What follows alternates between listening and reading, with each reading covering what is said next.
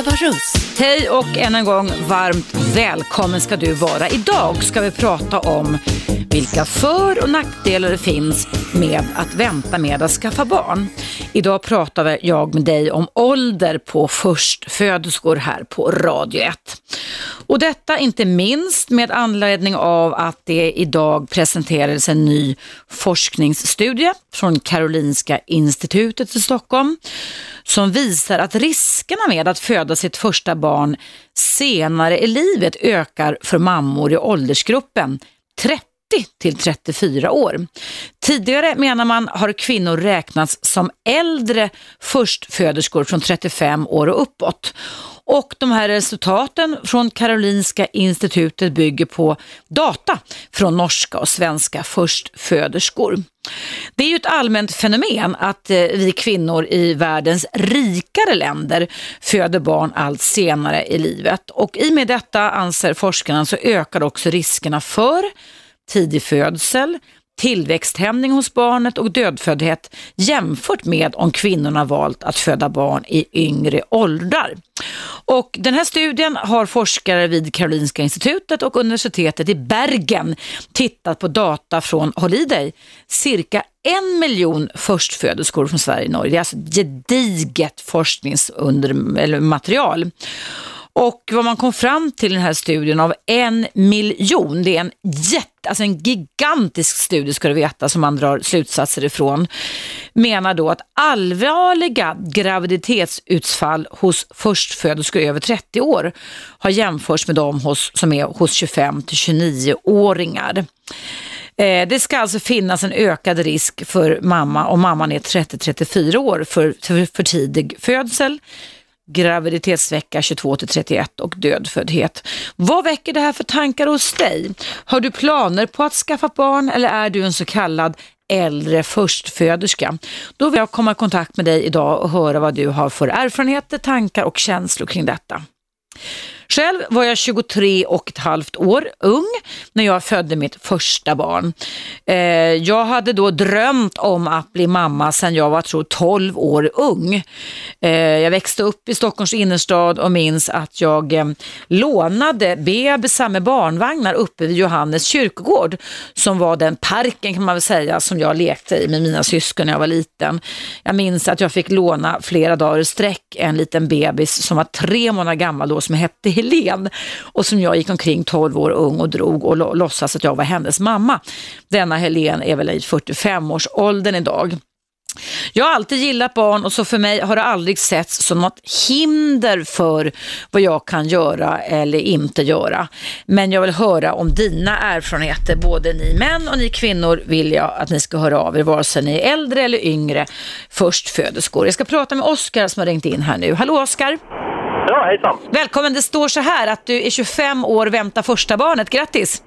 Ja, tack. Ja, jag är 26, min sambo är 25 då. Ja, berätta hur ni kom fram till att ni ville skaffa barn, för då är ni ju tidiga enligt den här studien i alla fall. Ja, vi, vi tänkte lite så. Först och främst vill vi vara unga föräldrar. Uh, vi tror att vi har mer energi och sådär. Men sen så förstår man att riskerna ökar med åldern. Och...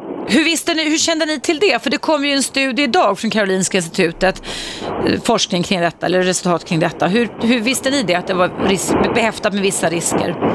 Ja, det har funnits tidigare studier också som har påtalat just risken med för tidig födsel vid äldre, vid äldre graviditeter. Då, då. Mm.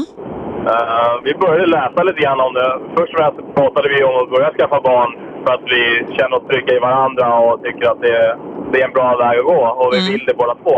Mm.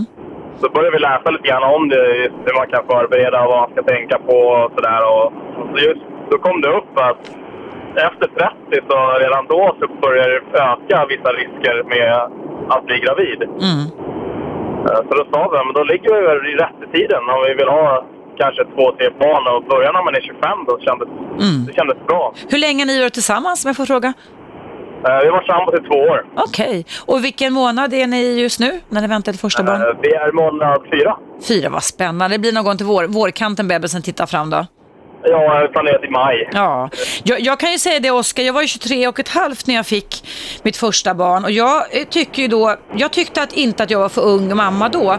Nu när jag tänker efter så tänker jag, och hjälp vad jag var ung då, men det som är kul, som, som ni också verkar ta i beaktning, det är ju det att när man får barn så tidigt så kan man också hinna med att vara en aktiv mor eller farförälder, förstår du, när man får barn. Och det är ju kul att jag är pigg och ung, jag var 52 när jag blev mormor första gången, det är jättekul alltså. Ja, ja men det, vi tänker så lite också. Mm. Att, det, det blir nog lättare. Jag tror att vi pratar om det här med karriär och vad ska jobba hit och dit. Och, ja, men jag tror att det blir jobbigare för karriären att få barn senare faktiskt. Mm. För då är man kanske mitt uppe i någonting och så kanske mm. man skjuter på det, skjuter man på det. Och sen så blir de där tre barnen som man kanske vill ha kanske bara blir ett. Ja. I bästa fall två.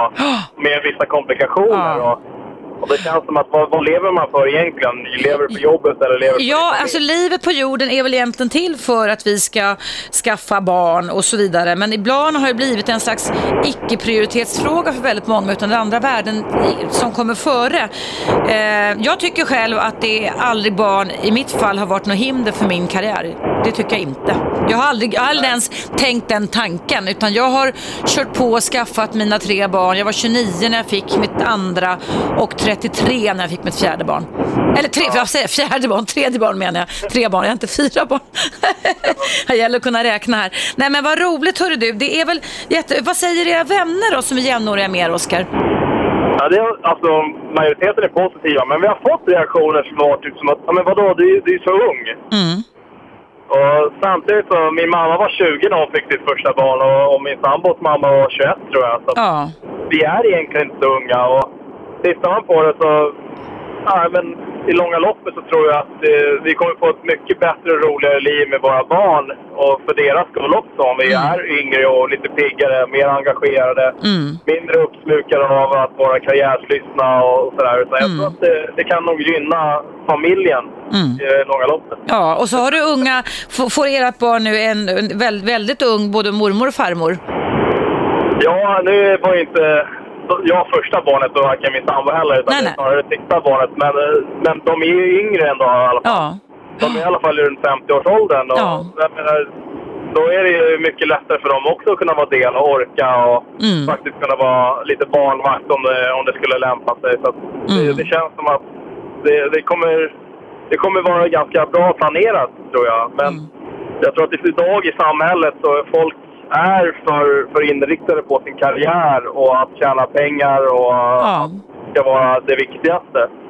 Eh, jag tror att det ett barn behöver det är ömhet och kärlek och att någon som faktiskt ser dem och hör dem och Absolut. är delaktiga i deras liv. Det är ja. mycket viktigare än den största finaste cykeln eller de finaste kläderna eller det största huset. Så jag tror att man, man får mer glädje av varandra än, än saker. Mm. Du, tro, tror du att det kommer, eller har du märkt någon spridningseffekt i er bekantskapskrets nu när du din kvinna eller fru eller fästmö skaffar barn tidigt, att, att det, det börjar smitta av sig liksom? Ja, alltså folk har ju ändrat sättet att prata framförallt. Mm. Uh, det de har börjat göra istället för att prata om om jag ska skaffa barn så, så har det blivit när jag ska skaffa barn. Du ser, det påverkar, ja. Ja, men det är någonting som jag i alla fall har reflekterat över och mm. märkt. Uh, och det är till och med fler som har börjat ja, vi kanske ska börja, vi kanske ska skaffa liksom och sådär. Och där ja. folk faktiskt ser att ja, men det går och att ja, men de kommer ju fixa det här. För det är så folk ser det. Att, Ja, men ni kommer ju bli perfekta föräldrar. Ni kommer ju greja det här galant. Ja. Men du får fråga en sak, Oskar. Du behöver inte avslöja detaljer, men har du och din flickvän fasta jobb eller har ni studerat klart så? Alltså, var befinner ni er i livet nu när ni ska bli föräldrar om fem månader? Ja, vi har fasta jobb båda två. Ja. Vi, eh, vi träffades eh, under studietiden mm. och fick jobb direkt efteråt. Så det är en trygghet också kan man säga, en trygg, en trygg grund just nu i alla fall? Ja, absolut. Mm. Det är klart, många har ju kanske inte den trygga grunden att stå på. Vi är nästan vi är garanterade jobb så länge vi inte gör någonting väldigt, väldigt dumt. Vi är poliser båda två. Så. Wow, härligt. Ja. Så, så, länge man, eh, så länge vi inte gör något kriminellt så det är väl ingen av oss som planerar att Nej. göra sånt. Så, Nej, det hoppas jag verkligen inte. där. Underbart! Oskar, vad roligt att prata med dig. Då önskar jag er allt gott och hoppas att graviditeten fortlöper som det är och fram till vå- våren är en fin tid att få barn på tycker jag. Jag har eh, ett vårbarn, eller sommarbarn. Det var fantastiskt fint när det var ljust. Allting var mycket lättare. Jag hoppas att allting går bra, Oskar, för er. Ja, tack så mycket och lycka till i framtiden. Tråkigt Ta- att ni lägger ner. Ja, tack. Ja, det tycker jag också. Tusen tack, Oskar. Tack ska du ha. Hej då! Tack. Hej. Hörrni, idag pratar jag med dig om om du har planer på att skaffa barn. Vill du göra som Oskar och hans kvinna, skaffa barn när du är runt 25 år gammal. Idag finns det en studie kring det här som säger att på ett väldigt stort underlag, faktiskt en miljon eh, kvinnor, en förstföderskor från Sverige och Norge som visar att det kan vara behäftat med risker, givetvis inte för alla, så vi ska ju inte generalisera fara här. Men vad har du själv för erfarenheter av det här? Föder du barn tidigt som jag gjorde eller har du fött barn sent, en så kallad äldre förstföderska? Ring nu. Numret in till mig, Eva Russ på Radio 1 Studio är 0200 11 12 13.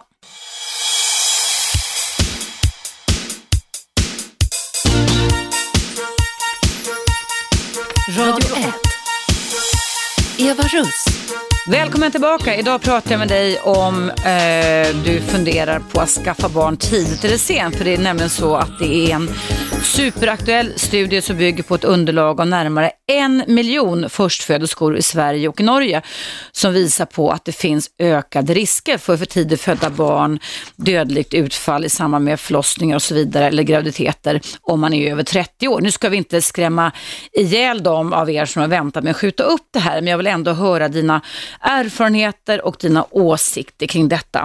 Eh, Jag ska prata med dig Bobby som ringde in här alldeles nyss. Hallå Bobby, Ja, hallå. välkommen. Tack så mycket. Ehm, De, de jag har i min bekantskapskrets som har fått barn väldigt tidigt, Mm. i ja, dryga 20-årsåldern och sådär, Mm. eh, de har separerat. Mm. Och jag har liksom, jag har liksom känt på mig då när de har eh, sagt att de väntar barn sådär att, att de kommer att separera efter några år. Men det är ingenting som man går ut och, och talar om. Va? Det är väl inte så uppmuntrande men mycket riktigt så efter några år så, så går de skilda vägar. Eh, jag tror i många fall att man, man inte riktigt är mogen för att skaffa barn i, i så tidig ålder. Du menar att det inte blir så hållbart, att man behöver längre tid på att kitta ihop en relation så att den håller? Ja, påfrestningar. speciellt idag som samhället ser ut också. Idag så, så, så lever man helt annorlunda än vad man gjorde förr. Mm. Och eh, jag tror att, att många inte lever ut sin ungdom eh, utan det, det kommer de på först senare när, när, Mm. när barnen är födda. Att de har missat någonting Mm. eh, i sin ungdom. Va? Är du själv förälder? Jag hör en massa bebis eller barnskrik i Ja. bakgrunden eller? Ja, ab- absolut. Och, Ja. och, jag, och jag, den här undersökningen här, jag tror inte så mycket på den. Mm. Utan, utan jag tror att det beror helt på kvinnan, eh, eh, vad hon har för gener. Och jag menar, det finns ju kvinnor som är dryga 40 eh, som är som en 30-åring kroppsligt. Mm. Så att det, det har inte alls att göra med, det beror helt på kvinnan, hennes fysik va. Hur gammal är det en kvinna som du har barn med?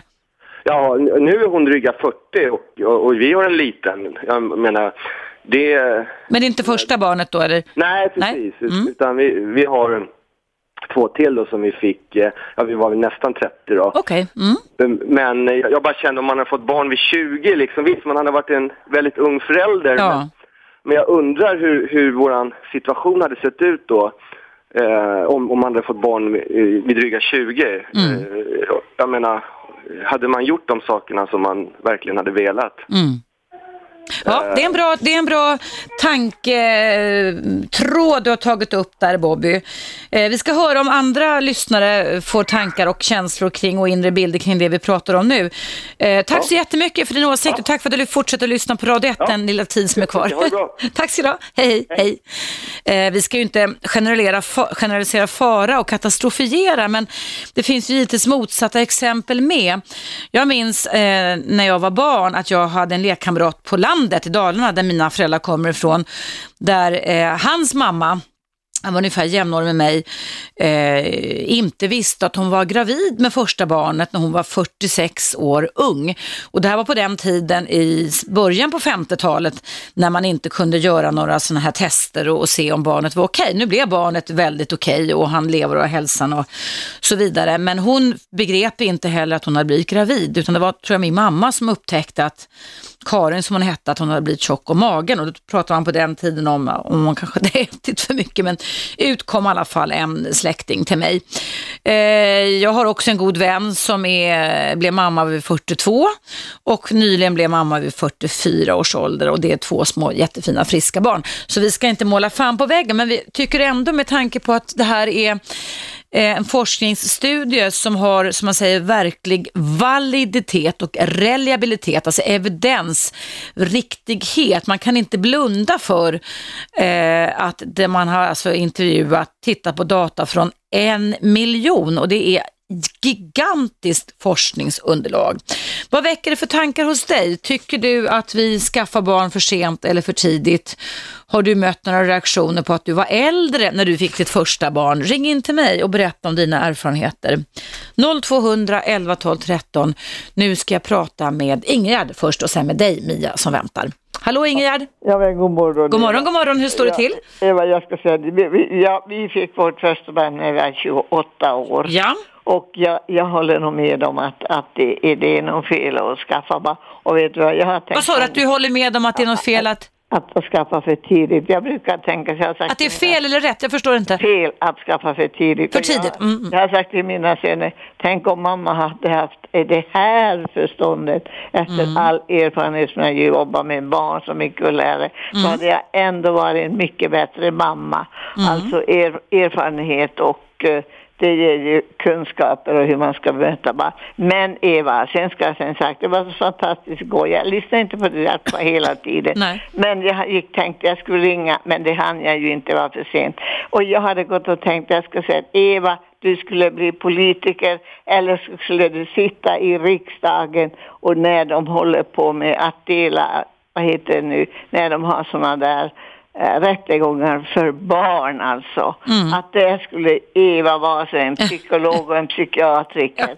och skulle ha Psykoterapeut, men i alla fall, ja. delade Mm. kun, kunna säga att den där mamman eller pappan, pappan anser jag ska vara uh, ha vårdnaden om barnen eller Mm. ha delad vårdnad. För, och, för jag tycker det behövs och även i socialen för de, de kan liksom inte säga så mycket. De har inte så mycket kunskaper som du har så det borde ju komma ut Vi får se vad som händer. Jag ska ta mig en liten du, paus här nu efter radio 1. Ja, ska... behövs Eva. Tack vad du är gullig. Det skulle vara oerhört välgörande för hela Mm. samhället att du fanns och kunde delge av dina kunskaper, Eva. Tack. Det värmer Ingegerd. Tack. ska- Vi ska se. Jag har egentligen aldrig varit direkt arbetslös. Det är några få tillfällen i livet och det har nästan alltid blivit en vändpunkt där man går in i nya projekt. Så jag är inte direkt oroad för mig. men det var gulligt men att du tänker det, så. Att, att det skulle komma, att, att samhället skulle vara mer, du skulle vara mer Mm. delaktig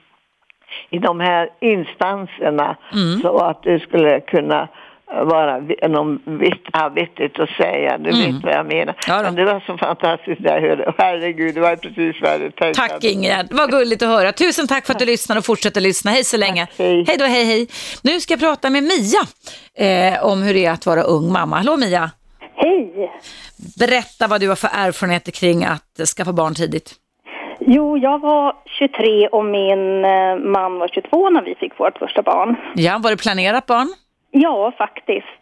Hade ni känt varandra länge? Det som Bobby påpekade lite? Eh, Eller? två år ungefär. Ja, Men vi har varit ihop i 26 år nu och våra barn är 22 och 17. fantastiskt. Vad roligt att höra. Grattis, det har ni gjort bra tycker jag.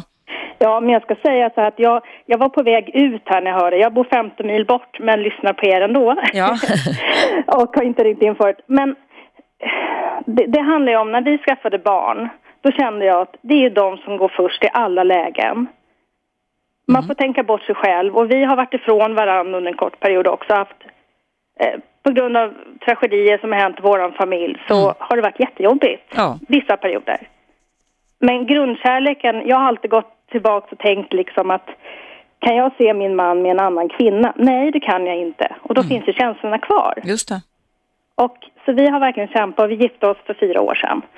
Var ni gifta tidigare då? Det var ni inte? nej, nej. Vi hade lång Ni hade lång betänketid.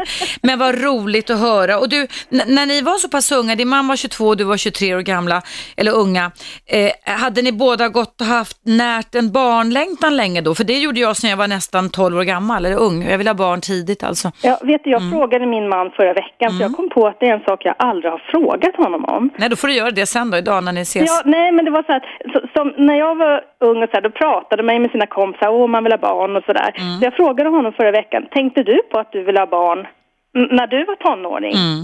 Jag tänkte, jag har aldrig frågat det. Nej. Men det ville han ha. Ja. Men du, tycker du att du har, nu när du har facit i handen och har två barn som är friska och lever och är nästan vuxna, i minsta nästan vuxen snart, har du liksom reflekterat över det som många säger som är skäl till att man skjuter upp för, eh, barnen, alltså när man är mogen ålder själv, för man måste hinna med sin karriär. Tycker du att du har missat något i livet när du blev mamma vid 23? Nej, alltså jag kan säga att jag gick bakvägen. Jag hoppade av gymnasiet och visste inte vad jag ville. Sen började jag jobba i ett företag i 20 år. Sen omskolade jag mig för några år sedan. Nu är jag tyvärr, har jag utmattning då på grund av saker som har hänt familjen. Ja. Men alltså mina barn, det är det bästa som har hänt mig. Jag har tyckt om varenda sekund jag varit med dem. Jag har liksom tyckt det var längtar när man haft semester, man får åka och hämta sina barn på förskolan och få vara med dem. Men det har aldrig varit att vi har känt att det har varit med hinder. Vi har haft Nej. med dem överallt och lagt ner väldigt mycket energi, både med idrottsföreningar och sånt. Vi har alltid varit med dem och det betalar sig ju nu också. Ja. Nu ringer min son, vi har jättebra kontakt när han pluggar och vi, ja, vi kan prata om precis allting. Vad Från härligt. sex till ehm, liksom an, andra saker också. Och det, det, jag blir så ledsen när jag hör det här man hör liksom med ja, så kallat lattemammor och det då. Alltså vi hade ju barnen, vi, de fick ju vara med precis överallt. Ja. De är ju jätteverbala och har jättebra tankar och värderingar för att de har alltid fått vara med. Det är det bästa som har hänt mig. Mm. Jag håller med dig, jag tycker samma sak och jag tycker som sagt var aldrig, jag blev ju mamma när jag var 20, första gången när jag var 23 och ett halvt, aldrig någonsin att eh, det har hindrat mig på något sätt och jag har heller aldrig haft någon ambition att vara någon lattemamma, eller det fanns inte på min tid när jag var med mina barn, men jag har gjort karriär på många olika sätt, även fast jag haft barn hemma, även varit ensamstående under en längre period har det gått jättebra faktiskt. Och jag kan säga det här med att, att, att gå igenom och det är jobbigt. Det beror på liksom hur man värdesätter. Vi hamnade ju mitt i den här krisen. Vi byggde ett hus Mm. när vi var väldigt unga. Det var i samband. Och sen så ja, kom de här räntorna på 90-talet då. Ja. Men det blev att min man, han fick åka bort och jobba i Stockholm i veckorna. Jag gick ensam med min lilla son. Ungefär i två år så kommer min man hem på helgerna. Det var mörkt, jag var mörkrädd, men och jag var ensam. Men vilken connection jag och min son fick. Jag Ja. kunde ägna all min tid åt honom. Och det, det var ju liksom tufft va. Men ja, det är... Det är ingenting du ångrar, utan du skulle i sådana fall då, om man får säga så Mia, rekommendera att inte vara rädd för att skaffa barn tidigt. Nej, det är en gudagåva. Det är en gudagåva. Tusen tack, vad fint att du ringde in Mia. Ja. Ha det jättebra och fortsatt lycka med er familj efter Ja, allt elände ni haft. Tack snälla, hej. Ja, hej. Hej. Hörrni, det är dags för en nyhetsuppdatering. Det är många som ringer. Eh, om Therese och Johan kan vänta över pausen är jag jätteglad. Så ska jag prata med er båda. Jag pratar nämligen idag om att medelåldern för förstföderskor i Stockholm är 30,7 år och i hela landet är medelåldern 28,9. Men idag så publicerades en studie, en gigantisk studie där man säger att det finns risker med att man föder sitt första barn senare i livet. Och den risken ökar för mammor i åldersgruppen 30 till 34 år. Vad väcker det för tankar och känslor inom dig? Du kan ringa nu 0200 11 12 13.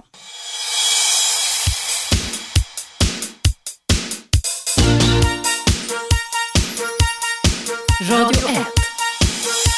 Eva Russ.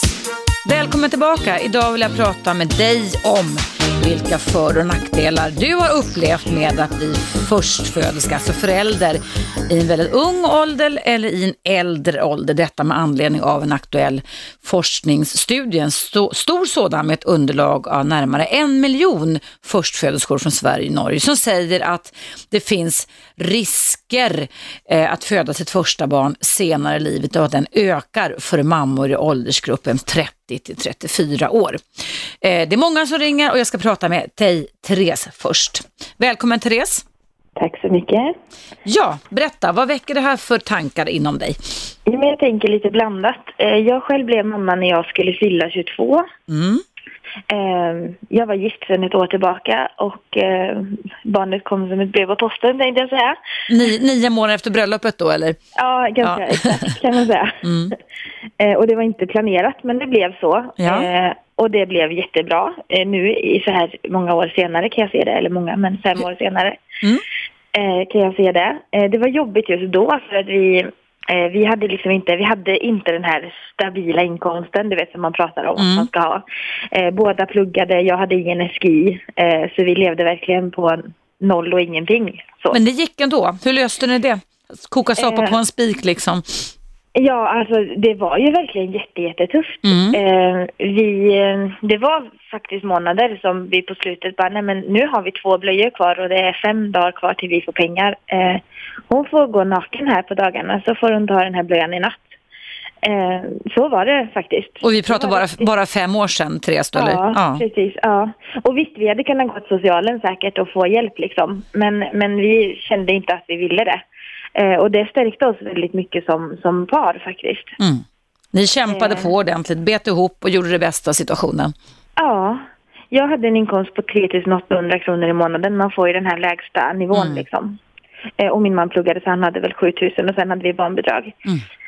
Eh, så det var riktigt, riktigt tufft. Men, men vi tog oss igenom det och eh, blev ja, men väldigt, alltså vi fick ju liksom förlita oss på varandra väldigt mycket liksom. Och, ja, det handlar om att planera och sådär. Mm.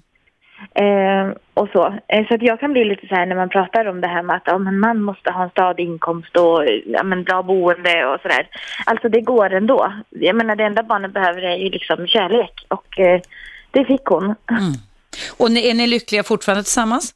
Ja det är vi. Ja. Eh, vi fick en liten son för ett och ett halvt år sedan Mm, också. grattis. Så det, Eh. Relationen pallade med påfrestningen och ni kämpade för att överleva och ni lyckades också. Det är ju så livet ser ut för oss människor på jorden faktiskt. Det är det, det vi måste göra i många situationer, i alla situationer.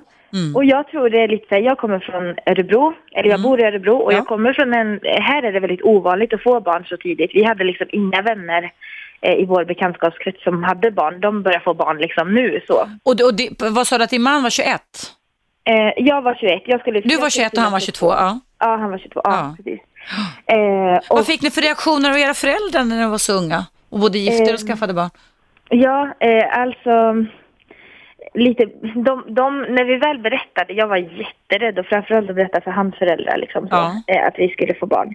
Eh, men men de, de tog det jättebra liksom och stöttade oss verkligen så. Sen bor de eh, 80 mil härifrån. Oj då. Mm. Hans föräldrar och min, min familj bor 30 mil härifrån. Så Oj, vi, så ni har inte haft den möjligheten heller med Nej. far och morföräldrars stöd så att säga? Nej. Nej, precis. Eh, och, det, och det har ju liksom det har ju också stärkt oss på, ett, på något vis. Liksom. Mm. Att vi, vi känner ändå att men, vi har verkligen klarat av det här och vi har uppfostrat en fantastiskt fin tjej. Liksom, som, Ja. Som hon är fem år nu, er flicka? ja, eller? hon är fem och ett halvt. Mm. Ja. Vad roligt Eh. att höra. Så att, och idag har ni fått bättre ekonomi så ni inte behöver spara på blöjorna förstår jag. Nej, så är det ju såklart. Och, och, och ja, han, han färdigutbildade sig där och sen, sen var jag, jag var nästan klar. Ja. Eh, så jag fick jobb där när hon, eh, hon var ett år. Ja. Eh, och då var han hemma ett år med henne. Så vi var Mm. hemma också ganska länge med henne trots Mm, att vi bra. hade ekonomi. Så det, Det gillar jag. Jag tycker man ska vara hemma till upp, upp till två års ålder om det är möjligt för barnens anknytningssituation är viktig. Ja, för henne var det toppenbra liksom. Och sen Mm. när hon väl började på förskolan, hon var två och ett halvt, så kändes hon väldigt redo liksom. Mm. Eh, så, men, men det jag skulle komma till lite var att det var ju väldigt ovanligt här liksom, men jag, jag kommer från en liten stad. Mm. Ehm, och där är det mycket mer vanligt att man får barn tidigt. Jag tänkte säga det, precis, för i stor, stora städer, eller som i Stockholm här nu, så är det väl ofta så att det liksom man, det, man, man skjuter upp det lite mer än på landsbygden, man får kalla Örebro för det också. Eh, ja, fast, fast här tror jag nog ändå att, att folk ganska mycket eh, alltså väntar med att skaffa barn Mm. faktiskt. Eh, jag kommer från, en, eh, jag kommer från Åmål som är en liten, liten byhåla. Eh, så. Eh, och där är, det, där är det ju verkligen inte ovanligt att få barn när man är eh, 21-22 år liksom. Så hur blev reaktionerna i Åmål eller Örebro när, när ni blev föräldrar så pass unga? I Therese? Örebro blev det ju väldigt så här, oj, men, men oj redan, men, men oj vad kul. Jag menar man kan inte kritisera, för det blev ju så. Jag menar Mm. det var inte, ja, vi, vi, det fanns liksom inte på kartan för oss att vi skulle plocka bort henne när hon väl Nej. hade blivit till så. Mm. Eh, men, men det var ju ändå liksom väl, väldiga reaktioner kring att oj, men ni är så unga och ja, hur ska det här gå? Ni har inte utbildat er och sådär liksom. Eh, och, och det var jobbigt för, för vi var ju inte sådär Alltså jag har alltid, precis som du, velat ha barn. Mm. Alltså det har liksom funnits i mitt liv hela tiden. Men min man var inte alls där. Nej. Och vi hade liksom, vi hade precis blivit beviljade att eh, få åka ut jag skulle ta sabbatsår och åka till Sydafrika ett år och jobba på barnhem och ja men du vet så, här, så allt sånt liksom blev ju bara, nej det gick ju liksom inte så. Hur har, ni, hur har ni löst det sen? Eller har ni tankar kring det? Hur ni ska lösa de framtidsplaner som ni fick bordlägga när ni blev föräldrar tidigt? Ja men vi tänker väl lite så här att eh, vi fick barn tidigt Mm. eh, och vi är ganska unga föräldrar och även om vi nu fick en son eh, när jag var, vad var jag då, 25 Mm. eh, så kommer vi ändå vara ganska unga. Ja, vi kommer vara unga när våra barn har flugit ut liksom så. Och då kan ni åka till Afrika eller göra andra sådana Ja. saker som ni har bordlagt liksom? Mm. Precis, och vi känner, alltså för oss är, är liksom det här livet så självklart nu liksom med barn. Mm. Eh, och det är liksom, det, det är det bästa som har hänt oss liksom nu så här i efterhand. Eh, men, men då var det ju jobbigt att se alla andra liksom kunna leva på och just det här att ja, men de flesta av våra vänner har ju liksom köpt hus och har fast jobb och, och liksom sådär. Och vi, vi har ju hamnat efter ganska mycket Ja. ekonomiskt eftersom Ja. vi inte kunde så vi bor fortfarande liksom i en hyresrätt och Ja. väntar nu på att liksom kunna Ja, det kan man göra. Man kan bo i en hyresrätt och man kan bordlägga sina planer och man kan ibland eh, en vacker dag ta upp planerna igen eller också gör man inte det och då kommer det nya planer istället i livet, eller hur? Så ser livet är. Vi måste vara flexibla helt enkelt. Det Ja. låter ju jättebra den lösningen ni hade och jag tycker att det är, om jag får säga så Therese, en förebild för väldigt många föräldrar som inte törs skaffa barn. Att man kan till och med hushålla med blöjorna och sen kommer Ja. det bättre tider sen. Och, och att barnet är ändå navet, tycker jag i alla fall. Och även du verkar som i våra liv. Det är liksom för det man lever lite. Sen, man lever inte bara för karriären, det har jag aldrig gjort. Men jag har kunnat ha en karriär till och från i olika, olika avseenden i livet och där har barnen inte hindrat mig på något sätt. Nej, och så känner vi också lite. Alltså för oss är det så här, alltså eftersom vi har ju liksom lärt oss att leva på ganska lite pengar och Mm. sådär liksom. Och nu när vi har jobb båda två liksom, Mm. så känner vi ändå det att men vi, vi, är inte, vi är inte ute efter att liksom, eh, nu när vi har familj så är vi inte ute efter liksom att, att jobba ihjäl oss och bli bli stormrika liksom. För vi känner att för oss är liksom familjen och barnen det allra, allra viktigaste. Mm. Eh, så jag är hemma och, och min man jobbar liksom 75 procent för att vi ska ha tid för varandra och tid för barnen. Och, Det låter jätteklokt tycker jag. där. Kul att höra sådana kloka ord tycker jag från en sån ung familj och ung mamma. Tack så jättemycket Therese för din berättelse och lycka till med din familj Mm. Tack och era pla- planer. Tack ska du ha. Hej. Bra, hej. Hörrni, vi måste ta en liten paus. Det är fullt på alla linjer. Jag pratar idag med dig om för och nackdelar med att bli förälder tidigt eller sent. Här fick ni ett exempel från Therese. Jag tänkte jag skulle prata med Johan om du har tid att stanna kvar. Det står här att du blev förälder vid 40 plus. Eh, men då måste jag be dig vänta över pausen så kommer det här på Radio 1. Du kan ringa in, du som inte har ringt in redan eh, och få prata med Sofia så sätter hon dig på vänt om du vill lägga dig i dagens ämne. Numret är ju som vanligt och det kan du säkert vid det här laget men det är i alla fall då 0211 12 13.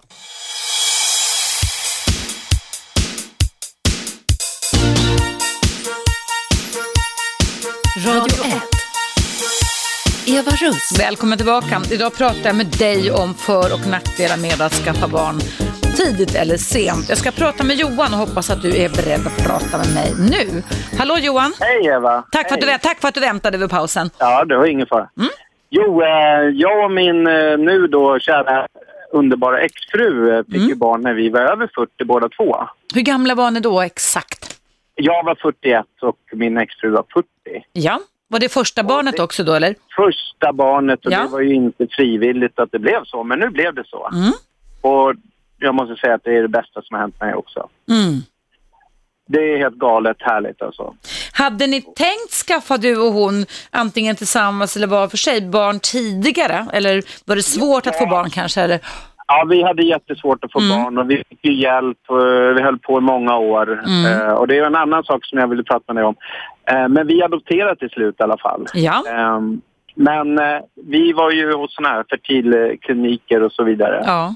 Och, och där kan man ju alltså göra upp till närmare 44-45 år vad jag förstår. Ja, alltså den jag nämnde om som jag känner som har fått barn nu vid 44 fick göra det därför att de hade fått ett barn vid 42, att de fick ett syskon, någon slags förtur, jag vet inte vad det kallas för. Jaha. Men annars tror jag som förstföderska så vete katten om du får det vid 44-45, det tror jag inte men jag Ja, inte. alltså Mm. när, när vi höll på med det där så var det så. Men nu var ju det kanske Mm. sex år sedan, Mm. någonting, sju år sedan. Men då var det upp till 44. Okej, jag ja. Vi kan väl höra om Och det är några var- som känner till det bättre än vad du och jag gör i alla fall, som kan ringa in och Ja. berätta. Mm. Jag bara tänkte på den här undersökningen då som, där riskzonen är efter 30-34. Det är ett väldigt hopp upp till 44. Mm. Men, men eh, jag tror det går bra det med. Det går ju bra och det är det jag menar, vi ska ju inte få stora skälvan här men man ska heller Nej. inte, man måste ändå, det har jag alltid försökt ha, en blick på vetenskapen alltså tänka till och jag kan tänka mig att det här resultatet, för det slogs upp ganska mycket idag i media, i tv inte minst, i morgon-tv, att det kan vara väl värt för om de som lyssnar de som läser rapporten eller studien att fundera lite över det. Vad har jag för skäl för att skjuta upp mitt, mitt barnaväntande så att säga? Eh, eh, är det bara för att jag ska bli som, som Teresa, stormrik och, och jobba ihjäl mig eller är det för att jag, eh, ja, varför finns det för skäl? Och är det verkligen så Ja. katastrofalt om man får barn när man får barn tidigt liksom? Nej, och jag tror också att det är bra att man är medveten om risk att de blir större Mm. när man blir äldre. För att jag kan säga att vi var inte riktigt det, medvetna. Nej, men ni Utan- fick hålla på också förstås och, och, och Ja, mecka så att säga med kroppen och med hormoner Ja. och sånt. Ja, Var, ro- var, var kom ert lilla barn ifrån sen då? Kom det från Sverige eller kom det från annat land? Eller? Från Kina. Ifrån Kina, fantastiskt. Ja, en det- liten kille. En liten kille. Hur, hur gammal är han nu då? Han är sex. Han är sex år nu, ja. Och det går bra med honom också? Ja. Det går helt fantastiskt. Åh, vad roligt. Vad kul, vad, Ja. vad skoj. Du sa att du, jag måste bara säga det Johan, det är inte varje gång man hör någon beskriva sin före detta exfru som fantastisk. Ja, men hon är min bästa vän. Hon Ja. är fantastisk.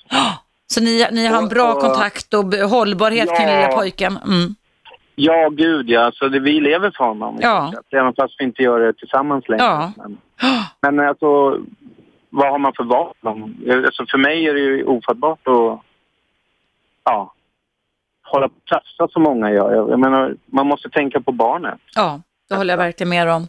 Jag tycker vi Och- överlag behöver tänka på barnen mer än vad vi gör idag i samhället. Ja, gud ja. Mm. Allt annat är ju för mig i alla fall otänkbart. Men Mm. alltså, ja, våran kärlek dog men eh, Mm. hon är, jag tycker om henne för det. Det, kan, det, kan ju oftast tyvärr vara en konsekvens när man håller på med provrörsbefruktningar och allt vad det innebär. Va? Att, att man, Ja, alltså det var många år. Mm. Vi pratade sex år och sen hände det andra saker som också var sorgliga och Ja. sådär i släkt och familj. Så det Ja, var mycket påfrestningar. år. Ja, men det är väl fint att ni har fått en annan typ av kärlek för varandra nu och att den lilla pojken som ni fick från Kina känner av att mamma och pappa finns där för honom, att ni är sams. Det tycker jag är ett fint Ja, exempel. Alltså det- kul att höra. Ja, alltså man hoppas ju det i alla fall. Alltså, det är ju målet. Mm. Alltså för att ta hit någon från ett annat land som också har haft separationer som den kanske inte kommer ihåg men Ja. kanske finns där inne någonstans. Jag menar, det kändes ju hemskt då att vi gjorde det men Du, hur, hur, gammal var, hur gammal var han när han hamnade på barnhem då, eran pojke? Nej, alltså han blev ju lämnad på ett sjukhus. Ja, direkt efter förlossningen alltså? Ja. Ja, han hade ett eh, ljumskbråck. Okej, ja. Ja, och eh, han hamnade faktiskt hos en fosterfamilj. Ja. Så att han var aldrig på barnhem. Nej. Och det är ganska ovanligt i Kina. Hur gammal var han när ni fick hämta hem honom? Han skulle fylla två precis när vi kom hem. Mm. Så. Härligt. Ja, det var helt... Ja, vad helt roligt. Toppen. Ja. Jag önskar er en jag god... tycker det är fantastiskt att höra unga människor som tycker det är så bra och det funkar så bra också. Ja. Jag tycker, det, jag tycker att bara man är redo själv så spelar det nog inte roll hur gammal man är. Men man måste, liksom, det är ett stort beslut och ingenting man... Nej, det är ju liksom oåterkalleligt för de allra flesta människor Ja. i alla fall, eller hur? Ja, Livet blir Ja, aldrig detsamma, men det blir bättre tycker jag i alla fall med, när man har ungar omkring sig. ja gud. Ja, Eller hur? Allt får en annan, ja, allt får en helt annan betydelse. som, ja. Som, jag, som jag tror på något sätt att inte man kan eh, veta innan. Nej. För det är en känsla och den är svår att beskriva. Mm. Att Jag det håller verkligen med om. kroppen Mm. som ställer om hela ens att vara sätt. Vi har ju de programmen nedärvt, de finns genom oss människor. En del människor avstår från att skaffa barn och det får, har man rätt att göra också. Men, men, men när man väl får barn, vare sig det är adopterat eller, eller ett biologiskt eget barn, så är ju känslorna de samma. Det är ingen skillnad på det. Nej, absolut inte. Underbart Johan, det var kul att få höra om detta. Hopp, jag önskar all fortsatt lycka med er lilla familj, även fast ni är separerade nu. Tack så mycket. Tack för att du ringde in och tack, så bra. tack ska du ha. Hej, hej, hej.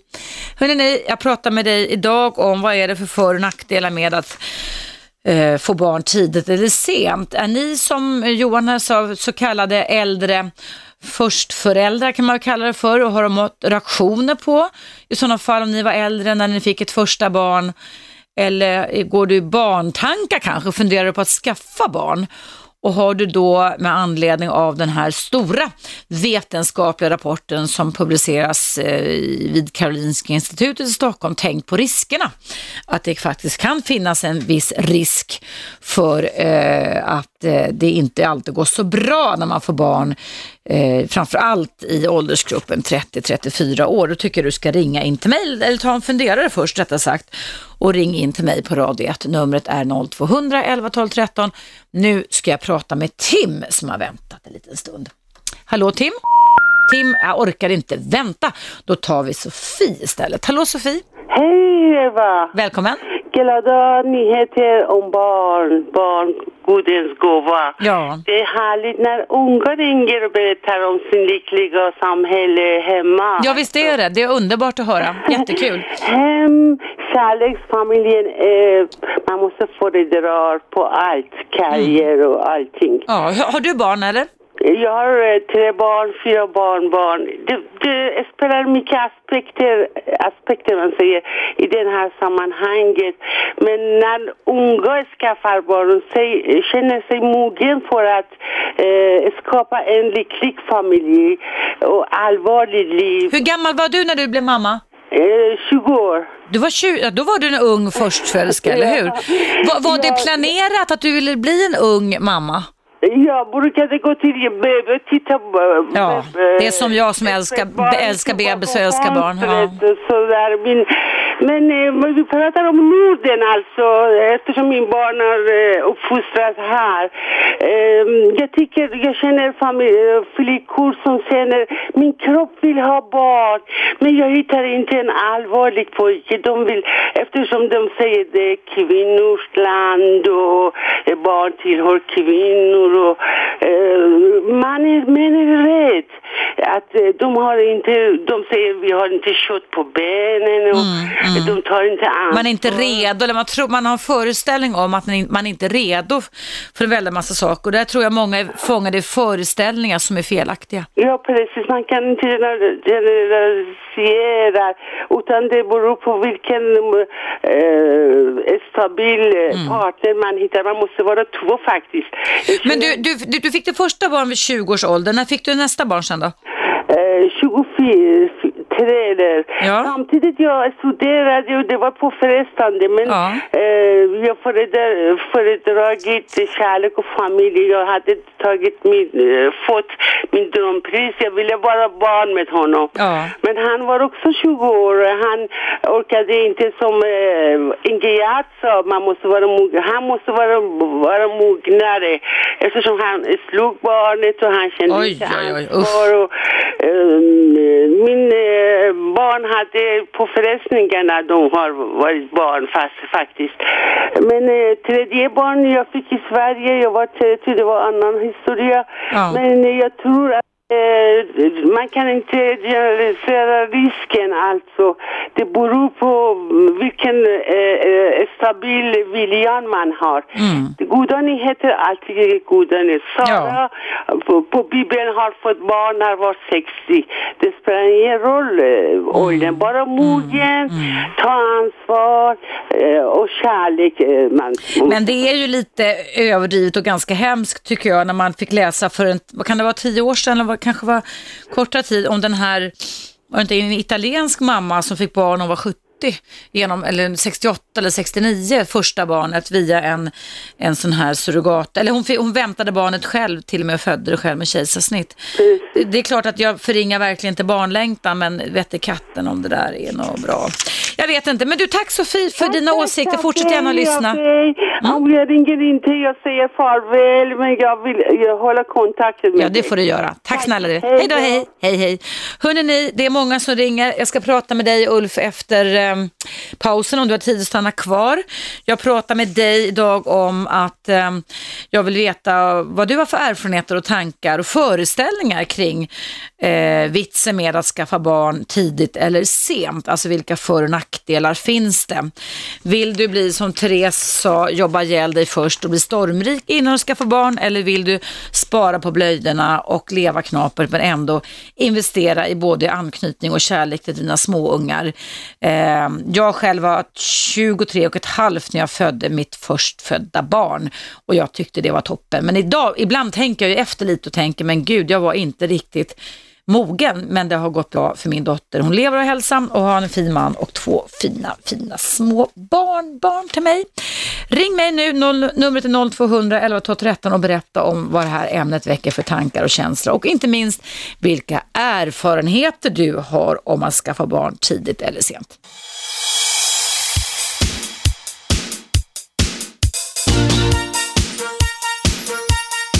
Radio 1. Eva Russ.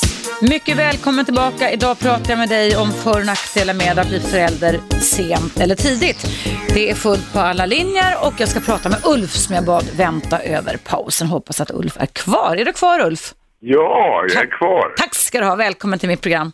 Och du kommer säkert ihåg mig, jag fick ett gott råd angående min 14-åriga dotter som skulle vara hemma lite ensam på nätterna när mamma är Ah, borta. ja, ja, nu kommer jag ihåg. Jag känner igen din röst också. Nu Ja. vet jag, ser ju inte hur du ser ut vet du, utan jag får stödja mig på Nej. tonfall och sånt. Gick det Nej, bra det- då? Gick det bra då? Ja, då. Det, det har gått jättebra faktiskt. Eh, och eh, eh, angående det här med barn då. Jag har alltså en dotter. Eh, jag var 50 när eh, hon kom till. Mm. Eh, och eh, fru var 18 år, eller ja, fortfarande 18 år yngre. Hon var 32 typ då, din fru då Ja. alltså? Ja. Ty tyvärr är vi skilda, men vi har fortfarande en ganska god eh, kamratrelation. Mm. Och eh, jag hade möjlighet att få barn när jag var 19. Mm. Då hade jag träffat en jätteunderbar kvinna som jobbade som kallskänka på Stallmästargården. Ja. Eh, och eh, jag var emot. Eh, jag, jag tyckte att vi borde utbilda oss och ja, bli lite mer mogna. Var hon jämnårig med dig då eller? Hon var något år yngre bara. Ja. Eh, och det här ledde till att, att eh, vårt, vårt sexliv sprack helt och hållet. Hon kände det som, som en slags, ja, som en abort. Okej, ni fick inga barn då, men hon ville ha barn då? Vad- Är det det du menar Ulf? ville eller? Ja. Absolut. Tyvärr då blev det slut mellan oss. Jag träffade henne eh, något år senare vid Sergels torg. Där kommer hon att dra på en barnvagn.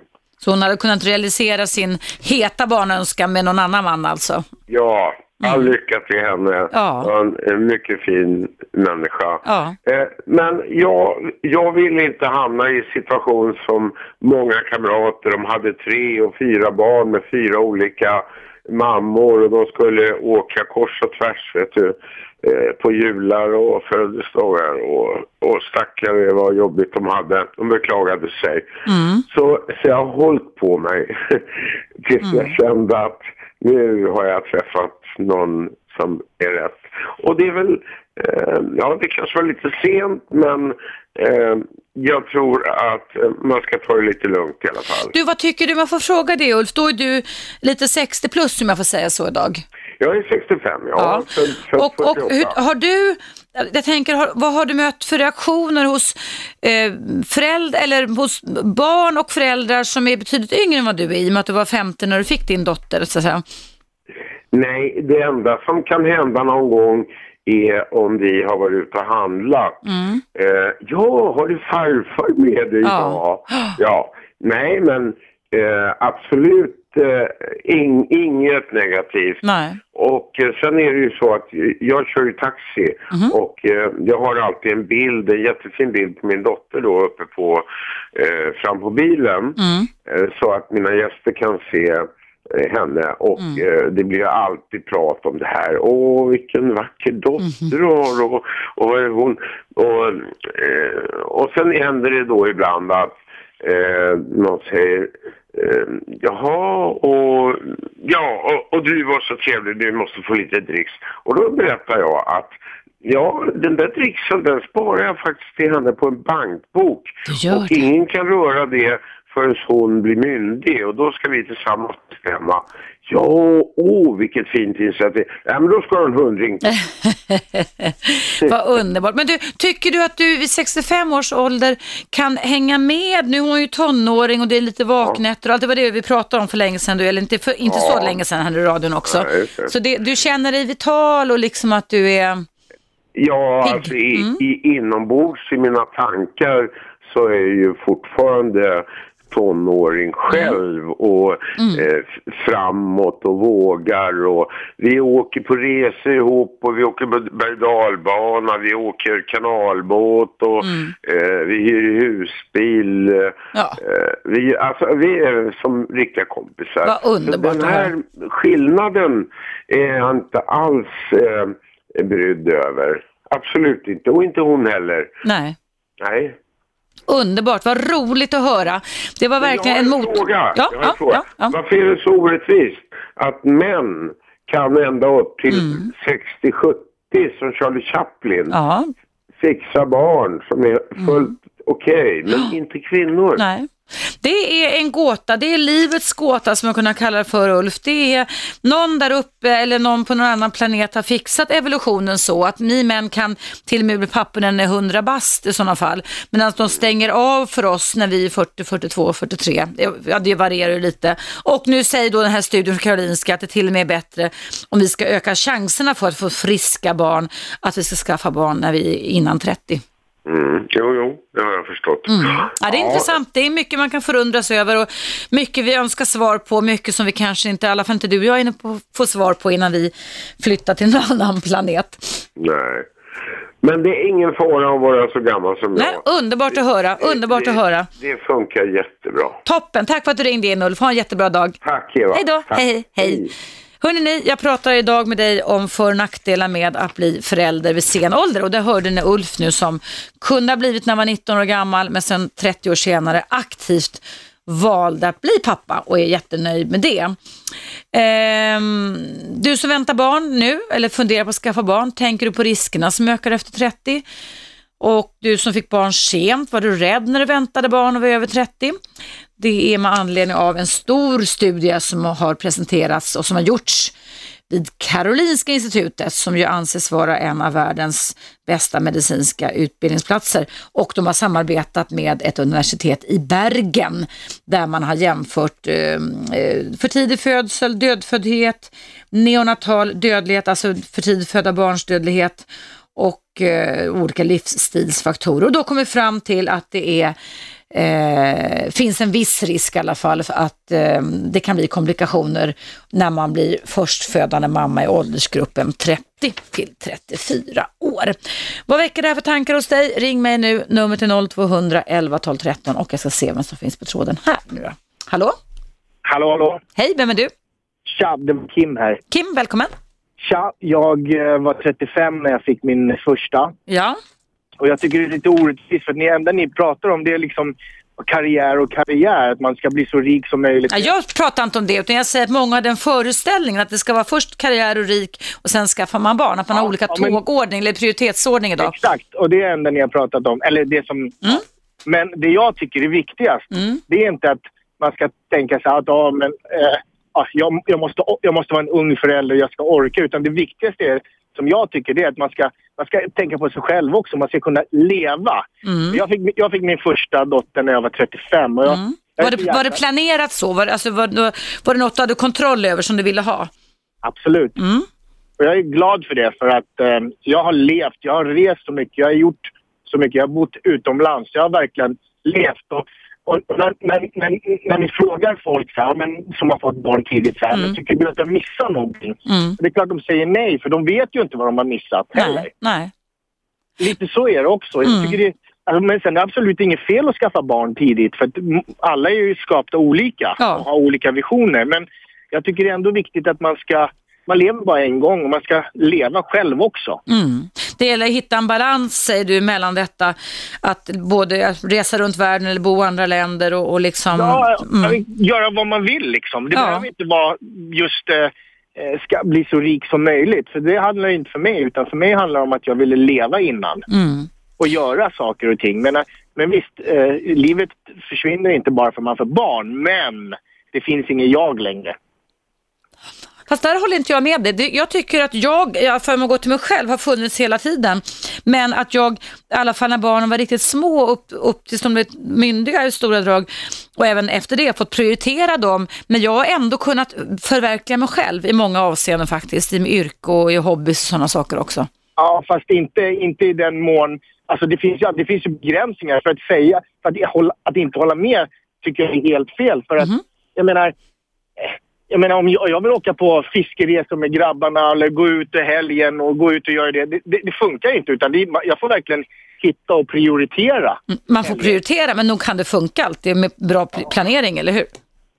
Ja, men som sagt, lev, lev livet först. Ja, men det håller jag verkligen med om. Tack snälla Kim och lycka till med ditt fortsatta faderskap. Tack för att du ringde in. Hej då! Tack, hej. Hej, hej. Hörrni, det är många ringer, som ringer. Det är fortfarande fullt på alla linjer.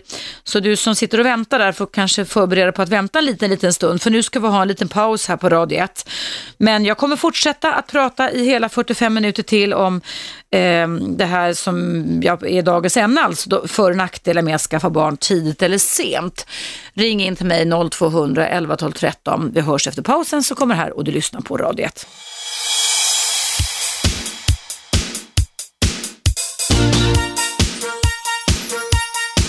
Radio 1. Eva Russ. Välkommen tillbaka. Idag går diskussionerna heta här på Radio 1 eftersom vi tar sats i en aktuell vetenskaplig studie som publiceras idag som säger att det kan finnas vissa risker med att vänta med att skaffa barn för mammor inte minst, alltså vi som bär barnen om vi skjuter upp det allt för länge. Det är fullt på alla linjer ska jag säga och jag vill prata med dig om för och nackdelar med att antingen skaffa barn sent eller tidigt. Eh, Thomas, eh, gör dig beredd så ska jag koppla in dig nu. Hallå Thomas, Hej, hej. välkommen. Tackar, tackar. Ja, vad väcker detta för tankar hos dig? Eh, jo, det stämmer som du säger. Vi eh, eh, kom på att vi ville ha barn och sen försökte vi skaffa barn. Mm. Det tog väl eh, sex år ungefär. Ja, Och eh, ja, vi provar ju allt möjligt. IVF och eh, ett par gånger som inte gick så bra. Sen så slutligen eh, donator. Do- donatorägg eller? Ja, utomlands en, en donator. Alltså Ja, just det. Mm. ägg. Ja, gick det bra då? Det gick jättebra. Andra gången gick jättebra. Åh, vad kul, grattis. Så nu, nu har ni ett barn? Eh, tvillingar, ja. Fick ni tvillingar? Nej men åh vad roligt. Hur, när, hur gamla är de nu då? De är två år. Två år. Vad är det för kön på dem? Eh, eh, två killar. Två killar. Åh vad kul. Så de fick vi när, eh, när tjejen var 42 då. Jag blir alldeles tårögd jag blir så glad för er skull. Du, eh, men då hade ju ni ändå tänkt efter 30 att ni skulle bli föräldrar då, men så ville naturen liksom inte hjälpa till kan man säga. Hennes, eh, min sambos äggfabrik var slut. Ja. Så tidigt alltså? Ja, och när vi gjorde IVF så gjorde vi en massa undersökningar och när man fick reda på hur kurvan såg ut för tjejerna så var det Ja. då skulle vi nästan gått på donatorn med snabbare tror jag. Det är en del kvinnor som kan drabbas av att äggen tar slut för tidigt. Jag tror, alltså normalt brukar man höra vid 40-45, men det är ju väldigt individuellt. Man ska nog passa sig lite om man ska tänka Ja. så. Men du, hur känns det nu då? Då är ni 42-43, du och din fru nu eller? Ja, ungefär ja. Ja, och hur känns det att vara lite äldre om du ursäktar uttrycket och ha tvillingar som sp- springer omkring, t- trippar på golvet? många, många kompisar säger ju respekt men eh, det är ju jobbigt men det jobbiga för oss det var ju innan. Ja. Så nu är det bara roligt. Självklart, och men som jag sa, man inte ångrar man sina barn, det gör man absolut inte, men man får ju ställa om det. Men tycker du att det var stor grej att ställa om livet nu när ni fick barn efter 40 liksom? Ja, nej jag tycker inte det är så mycket. Det som är jobbigt är väl att man har inte samma ork som man var 20 eller 25. Mm. Det Men, det men det kan man ju finslipa på med träning och sådana saker, eller hur? Ja, ja, Man är till att tvungen för att hänga med. ja. Ja, Det är mer att, eh, ja, men det är som du säger, det är, det är lite, det är lite kämpigt ibland men det går jättebra. Mm, vad roligt att höra, toppen, det var jättekul att höra. Jag önskar er en god julhelg, vi lägger ju inte ner för nästa fredag, du kanske fortsätter att lyssna. Har du lyssnat mycket på oss genom åren, Thomas? Ja, det är tråkigt att ni försvinner. Mm, det tycker jag med. Men du, jättekul att höra er berättelse också. Tack så hemskt mycket för det. Tack så mycket. Hej då, hej hej. Ja, idag pratar jag med dig om för och nackdelar med att skaffa barn tidigt. Och många människor, inte just ni alla som har ringt in, men hävdar ju då att det är så mycket man ska hinna med innan man skaffar barn. Jag har gjort två större utbildningar, tre större utbildningar faktiskt, akademiska efter att jag fick mitt första barn. Och när jag fick mitt första barn när jag var 23 och ett halvt, då var jag färdigutbildad psykolog. Det hette då B-psykolog. Eh, sen fick jag, efter att hon var född, läsa till A-psykolog som det hette då, legitimerad psykolog. Sen har jag gått kurser i, i allt möjligt och sen blivit psykoterapeut som också är en högre utbildning och gjort andra saker däremellan och eh, tycker väl då att eh, det aldrig någonsin har hindrat mig att få barn, utan snarare tvärtom så tycker jag att det har gett mig kraften till att kunna kämpa och att kunna realisera. Men jag gör lite som jag så rekommenderade eh, mannen här jag pratade med innan, att det gäller givetvis också att hålla sig i trim. För även om man nu, som jag i mitt fall är mormor, så gäller det att man håller sig i trim så mycket man kan. Nåväl, vi pratar inte om morföräldraskap, vi pratar istället om för och nackdelar med att skaffa barn ungt eller tidigt. Eh, jag ska prata med Drageka, heter det så? Drageka? Ja, Dragica. Dragica, så heter det. Drageka. Var kommer du ifrån? Ja, jag kommer från Serbien. Från Serbien, Dragica, välkommen. Du, du berätta om din livshistoria med barn då. Jo, det är nämligen eh, första barnet fick jag när jag var 17 år gammal och då bodde jag i Serbien. Ja. 1975 flyttade jag till Sverige och fick mitt andra barn. Mm. Då var jag 26 år gammal. Och då när jag var med barn så utbildade jag mig faktiskt till barnskötare. Ja. Och så tredje barn fick jag när jag var 40 år gammal. Nej, vad säger du? Så du har fått barn i nästan två och ett halvt decennium alltså? Ja. det är verkligen väl in, in, insprängt. Vad, vad, vad tycker du om det? Då var alltså din äldsta 23 år när du fick ett lillasyster och lillebror då? Ja, de tyckte att det var roligt. Ja. Men vad jag tänker sen, när jag var 17 år, visst jag var ju för ung va, så fick jag mycket hjälp av min mamma. Ja. Och sen 26 år, då klarade jag mig bra. Ja. då, då kunde jag ta hand om henne själv. Jag menar, jag var ju gift alltså med en svensk kille då. Ja. Och så um, när jag var 40 år, då, då tror jag att jag var den bästa mamman. Ja. Jag tror att jag var säkrast alltså. Ja. ja. Och var inte orolig för, ja, om det var lite förkylning eller sådär. Nej. Fick du, har du fått några förväntningar projicerade på dig beroende på att du har ett sånt åldersspann så att säga, mellan dina barn från andra människor eller? Ja, jag vet inte, kanske när, när jag var 40 år, eller när jag var 17 år, då kanske ansågs jag som en ung mamma. Mm. Och det var det ju verkligen när man är 17 år och blir mamma. Mm, ja, ja, det, det har jag med. Men sen när jag var 26, då var det väl okej. Mm. Men när jag var 40 år, då ansågs jag väl lite som äldre mamma. Ja. Men jag vet, när första barnet, jag var jätteglad för det är mitt första barn. Ja. Andra, han är en pojke, Ja. Andra barnet så, eh, så blev det en flicka. Så blev jag jätteglad. Ja. Och tredje barnet, då, då var jag gift med en yngre kille. Ja. Och han tjötade på mig. Ja, men du är för gammal, du kan inte föda barn och sådär. Han har inte varit gift tidigare och inte haft barn. Så det är efter ett år att jag blev med barn. Mm. Och då sa jag, ja, varför skulle inte jag kunna bli med barn? När Ja, jag fick redan ja. två barn innan. Så blev jag jätteglad tredje gången. Att Mm. bevisa både för honom och mig själv liksom, att det går liksom att skaffa barn när man är äldre. Ja. Så det, det blev ett frisk pojke. Mm. Så visserligen, ja, mina förlossningar var lite svåra, men det var ju normalt alltså. Mm. Mm. Då. Och det är eh, idag, hur gamla är dina barn nu då? Ja, den yngsta är 20 år. Ja. Uh, uh, min äldsta son, vi börjar, han är 43 år, fyllde i oktober. Ja. Och så uh, dotter, hon är 20, uh, 36 måste hon vara. Just det. Mm. Vad säger du? Vänta nu, hon är född 79, vad är hon? 34. Ja, 34. Mm. Och så den här är 20 år. Fantastiskt. Det är en rikedom det. Förlåt? Det är en rikedom det. Har du hunnit bli farmor också så, eller mormor? Ja, jag tycker att jag är rik alltså. Det är det bästa som man kan ha. Mm. Alltså rikedom. Mm. Det finns ingenting annat än barn. Nej. Så har jag fått från min dotter två barnbarn. Mm, grattis. Sen till Asien. Tack så mycket. Mm. Väntar ni från min äldre son kanske det kommer. Det Och sen kommer. Liksom som är yngst, 20 år. Ja, han får vänta lite kanske. Ja. Eller också bli, kanske inte bli en sån ung förälder. Men du, eh, eh, det här att, ma- att mamman tar hand om barnen, det är någonting som en kollega till mig, vän till mig som heter Sverre Sjölander, som eh, är eller var professor i zoologi, alltså djur, djurbeteenden. Djurens värld sa att man, att man skulle kunna prata om att evolutionen har skapat det så fiffigt så att man pratar om mormorshypotesen. Har du hört talas om det?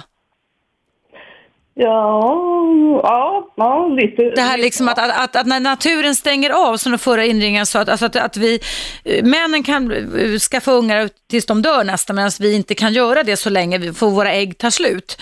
Skulle kunna vara därför att vi då ska, medan männen är ute och förökar sig, det är vad han har sagt då, så ska vi fostra barnen och en mormor kunde man då i gamla tider bli när man var 25-30 och så kunde man bli mormors mor och så vidare. Så att man såg till att man såg till att arten kunde fortleva. Det är i alla fall vad han har sagt som en mormors hypotes, att det liksom ligger i vårt sätt att funka på, att få barn tidigt.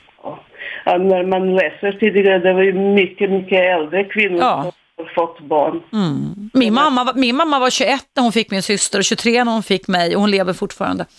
Ja. Dock, dock är hon sjuk i Alzheimer och det är tråkigt men, men hon lever och det är alltid något. Det är bättre än inget tycker jag. Nej, men jag, jag tycker vadå, om en kvinna känner sig frisk så spelar det ingen roll liksom hur gammal hon är. Nej. Det, det är bara liksom försöka. Ja. Och det, det är det bästa som sagt. Så ja, varför, varför inte? Ja. Jag, jag är så glad även att jag, ja, jag är 60 år idag och han Ja. är ju 20 och det är jättebra. Han är frisk kille och inget fel på honom. Alla barn är ju friska. Ja. Det, det bara roligt tycker jag. Underbart. Härligt.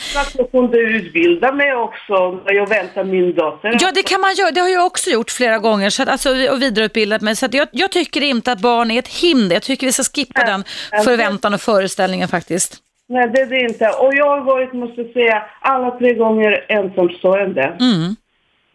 Så det har jag Man klarar sånt också. Det har också varit eh, en, en längre period i mitt liv. Man klarar sånt också faktiskt. Ja, oh ja, oh ja. Okej, Dragika, tack så jättemycket för din berättelse. Jag hoppas ni får fortsatt hälsa och lycka med din stora barnaskara. Ja, tack så mycket. Jag ska önska dig god jul. Ja, tack detsamma Dragika. Tack snälla du. Hej så länge. Ja, tack. Hej, hej. Och apropå julen då så är det ju så att den 16 december, om drygt en vecka eller mindre än en vecka, så kan ju du som vill stödja oss på Radio 1 komma ner till Riksdagshuset i Stockholm där vi ordnar en begravningsceremoni för Radio 1. Där vi kommer sända live från platsen och du är varmt välkommen att komma och visa ditt stöd. Det börjar klockan 12 den 16 december. Nu ser jag på klockan här i studion på Radio 1 att det är dags för en nyhetsuppdatering. Men det är icke förty kan du ringa i alla fall. Numret är 0200 11 12 13 och fortsätta att berätta, debattera, diskutera och dela med dig av dina erfarenheter kring att bli eh, både yngre förstföderska och äldre förstföderska eller flerföderska som Dragicka varit med om. Numret är 0200 11 12 13. Vi hörs efter pausen på Radio 1 som kommer här.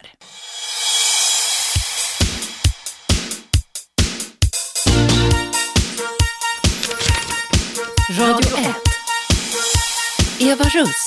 Välkommen tillbaka. Idag eh, diskuterar jag med dig om det är för nackdelar för barn tidigt eller sent.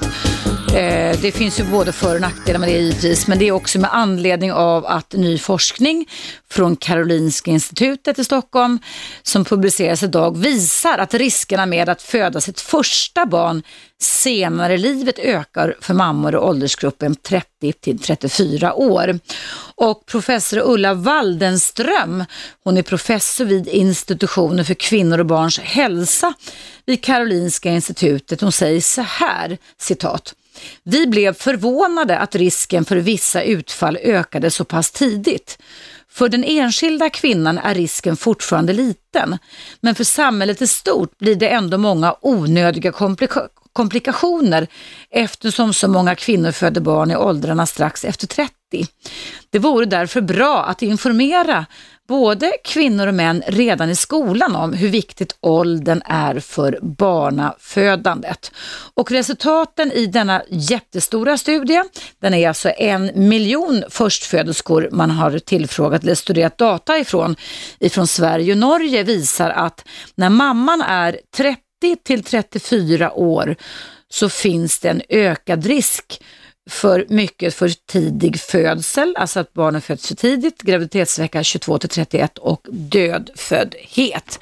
Eh, nu ska vi inte drabbas av panik på något sätt, men jag tycker ändå att det aldrig är fel att man håller ett öga på vad forskningen säger också.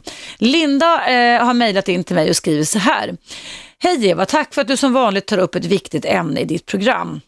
Jag är en tjej på 26 som har de senaste fem åren prioriterat min familj, men inte med man och barn, utan med familjemedlemmar som drabbas av sjukdom. De har behövt mitt stöd både ekonomiskt och känslomässigt och jag har gjort mitt bästa med att hjälpa dem.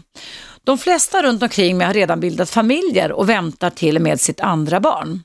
Men det är verkligen inte min dröm just nu. Jag, skriver Linda, jag vill leva, jag vill flytta utomlands och bara vara ett tag. Men både min kultur, min omgivning och nu även den här studien visar att det inte är det bästa. Är inte det viktigaste också att man ska vara känslomässigt redo? Absolut Linda och som jag sa, eh, man ska inte ta den här studien till punkt och pricka men man kan ju alltid använda ett sånt gigantiskt stort underlag som en, nästan en miljon förstföderskor i Sverige och Norge. Det är inget litet underlag, så det är ett jättestort underlag forskningsmässigt sett att fundera lite på prioriteringar i livet. Sen är jag fullständigt övertygad om, Linda, och ni som funderar på att skaffa barn, att det, man behöver inte oroa sig speciellt mycket om du blir känslomässigt mogen. Det är liksom inbyggt i hela evolutionspaketet. Och där har vi kvinnor oftast, eh, så fort vi har blivit gravida, så fort som spermier mött ägg och det, saken är klar så att säga, så träder den här känslomässiga eh, moderskapet in som vi går och väntar på i nio månader. För er killar, för er män, kan det i vissa fall, inte alla, vara så att den här känslomässiga mognaden kommer först när bebisen är konkret, alltså först när man har bebisen framför näsan, när den har kommit ut, så är det en del män som känner att de mognar. En del män kan till och med hamna i depressioner när deras partner blir gravid och får stora skälvan över att de inte ska kunna klara av det. Men där brukar oftast de allra, allra flesta av oss kvinnor eh, som bär barnen själva fixa den här grejen i alla fall och det är därför vi är skapta för det, alltså det är inget konstigt alls. Eh, nu ska jag höra med Johanna för se om du har orkat vänta så pass länge. Det är alltså väldigt många som ringer hit till Radio 1 idag. Hallå Johanna? Ja, hallå Eva. Du orkade vänta, vad bra. Du... Jag orkade vänta. Välkommen. Tack. Jag vill först tacka för ett jättefint program. Du har verkligen hållit mig stimulerad här på min mammaledighet. Vad roligt att höra. Tack ska du ha. Tack. Hur, hur länge Ja. är du mammaledig? Eller, eller hur länge har du varit mammaledig? Eh, Jag har varit sedan april så jag har en åtta månaders liten Walter här hemma. Åh, grattis, grattis. Vad kul. Går det bra med honom eller? Det går jättebra med honom och kul. jag, eh, jag fick honom när jag var 30 så jag är 31 nu. Mm. Och eh, jag har upplevt eh, jättemånga fördelar med att skaffa barn lite, lite senare. Mm. Jag, var, jag bodde utomlands, eh, jag ville utomlands direkt efter gymnasiet och sen ville jag studera. Jag är också psykolog. Jaha, vad kul.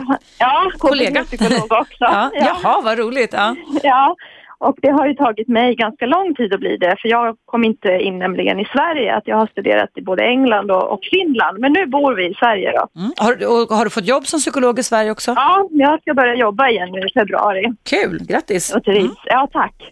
Men i alla fall så, ehm, för, så att, eh, för mig var det så svårt att hitta en partner för att jag, jag prioriterade verkligen att bli psykolog, det var min dröm. Mm. Så jag flyttade mellan olika länder och då lämnade jag en del pojkvänner. Så det fanns aldrig på tapeten att liksom, vi kom aldrig så långt eh, i förhållande att skaffa barn. Men sen så träffade jag en kille i Finland då på psykologprogrammet som också är psykolog, min sambo. Ja. Och eh, nu fick vi då, har vi båda över 30. Mm. Så det har varit jättebra. Och sen så eh, mellan jag var 20 och 30 så mådde jag också ganska dåligt av eh, flera orsaker. I många år i terapi och, Mm. och ätit antidepressiva. Så jag var jätteorolig för att, för att bli gravid. För jag tänkte att det skulle förstärkas, allting som jag upplevt. Mm. Och jag sa till och med till min sambo eh, innan förlossningen att det är helt okej sen och, och, om, om du kör in mig till psykakuten att, att om jag blir deprimerad eller så här. För jag, jag var helt övertygad om eh, att jag skulle bli det. Men sen, eh, sen så hände någonting under graviditet och förlossningen att Mm. alla mina psykiska problem har försvunnit som i ett nafs. Det är intressant, eller hur? Alltså jag, jag vet inte vad, vad det beror på, men fast jag är uppe på nätterna och vakar och det kan vara tungt så finns inte en, en uns av ångest eller deprimerande tankar eller ingenting som jag lite led av förut då. Mm. Och eh, så att, jag har ingen aning, jag har inte läst någon i, i psykologin om vad det här kan bero på, men, men jag är jättelycklig nu Mm. om hur allting har gått. Och, Alltså jag tror ju, jag är inte expert på just det du har varit med om Johanna, men, men jag är övertygad om att biologin och psykobiologin som vi människor har inom oss kan åstadkomma jättemycket helande, att vi har ett eget recept inom oss som kan skriva ut ett Ja. recept på att bli bra. Precis som det tyvärr för en del mammor, även pappor kan vara så att man kan gå in i en depression efter Ja. man fått barn. Va? Eh, men det var väl fantastiskt, det där kan du verkligen ha nytta av om du jobbar med människor eller när du jobbar med människor, för det kommer Ja. du väl göra som psykolog, eller hur? Ja, absolut. Det har jag haft jättenytta av. Jag har stor respekt för människor som, som mår dåligt och som Mm. kommer till mig till exempel. Och, och, eh, ehm, eh, och speciellt med barn och efter barn. Att det, Ja. det, det, det har, egen livserfarenhet har bara hjälpt mig i mitt yrke och bli Ja. mer känslo, kunna bli liksom mer känslomässigt involverad i, i människors problematik. Ja, ja. Vad bra. Och har din eh, fästman eller man fått jobb här i Sverige också? Eller? Ja, han jobbar på Sankt Görans eh, sjukhus för Jaha. bipolära. För bipolära. Aha, okej. Han, ja, det har jag aldrig jobbat med. Det, det behövs special, special, specialkunskaper, men nu var det länge sedan jag läste psykolog i och för sig. Men Ja. vad vill du jobba med då, Johanna? Vad är din inriktning? Ja, vi- jag, jag skulle också vilja utbilda mig till KBT, psykoterapeut Mm. i framtiden. Att, men vi funderar på fler barn här nu. Ja, ja. Eh, även fast vi är över 30 så tänker jag inte skrämmas mig av den här statistiken. Nej, jag menar man får ta det li, lite, men man kan ändå hålla ögat. Håller du inte med mig om det? Att man, alltså att en sån här stor undersökning, den är ju verkligen reliabel och valid med en miljoner, eller, eller hur? Det är extremt stor undersökning får man verkligen säga. Ja. Så att det är Jag håller viktigt. verkligen med om att det är viktigt att, i framtiden att prata om det i skolan. Att folk blir lite mer medvetna. Att det kanske skulle ändra den här hur det har varit. För jag tycker nu när jag har vuxit upp och varit ung så har det inte funnits det här snacket om att skaffa barn. Jag är den första i min bekantskapskrets. Som gör det? Ja. En, av- en av de första. Mm. Och, eh, och i förr i tiden, som när min mamma var ung till exempel, då var det ju nästan, hon var 26 år när hon fick mig och jag är först av hennes barn och då var det. hon sen. Just det, just det. Jo, det är samma med min mamma. Eh, ja, att det är liksom helt annat tänk nu. Det här kanske skulle kunna ändras lite i framtiden. Men du, jag har inte ens min, nu är jag ju äldre än vad du är, men alltså jag har ju ingen minne av ens att jag då, eller att mina barn som är vuxna nu fick höra att äggen tar slut hos kvinnor. Nej, nej. Eller hur? Alltså att, tänker för, skjut inte upp för länge. Vi, har ett visst, vi föds med ett visst antal ägg, vi kvinnor. Och annars blir det då, och det går ju i och för sig bra också, äggdonation då, men spermierna verkar aldrig ta slut hos männen, men äggen tar slut hos kvinnorna. Ja. Eller hur? En enkel förklaring kunde man ju fått för länge Ja. sedan. Eller nu har jag mina barn och barnbarn på det torra, så att säga. men alltså att man sprider den kunskapen i alla fall. Vad roligt att höra Johanna, det var kul att Ja. höra. Lycka till med ditt psykologiserande. Det är ett kul jobb du har äh, använt, um, börjat jobba med. Jag älskar mitt jobb, ska du veta. Ja, jag också. Det är därför det var så roligt att lyssna på dig för att jag har behövt den här stimulansen under mammaledigheten. Att någon psykologi, att kunna lyssna har varit enklare än läsa nu när man är Ja, mammaledig. vad Så- kul. Det var jättekul att höra. Lycka till med allting Och med Walter och med din man och, och din karriär också. Tack, tack. Hej då så länge. Hej. Hej då. Ja, Johanna, det var kul att träffa en kollega. Nu tar vi en liten paus, men det är fortfarande inte för sent att du ringer in. Jag pratar idag om för och nackdelar med att skaffa barn tidigt eller sent. 0200 11 12 13. Du lyssnar på Radio 1 och jag heter Eva Russ.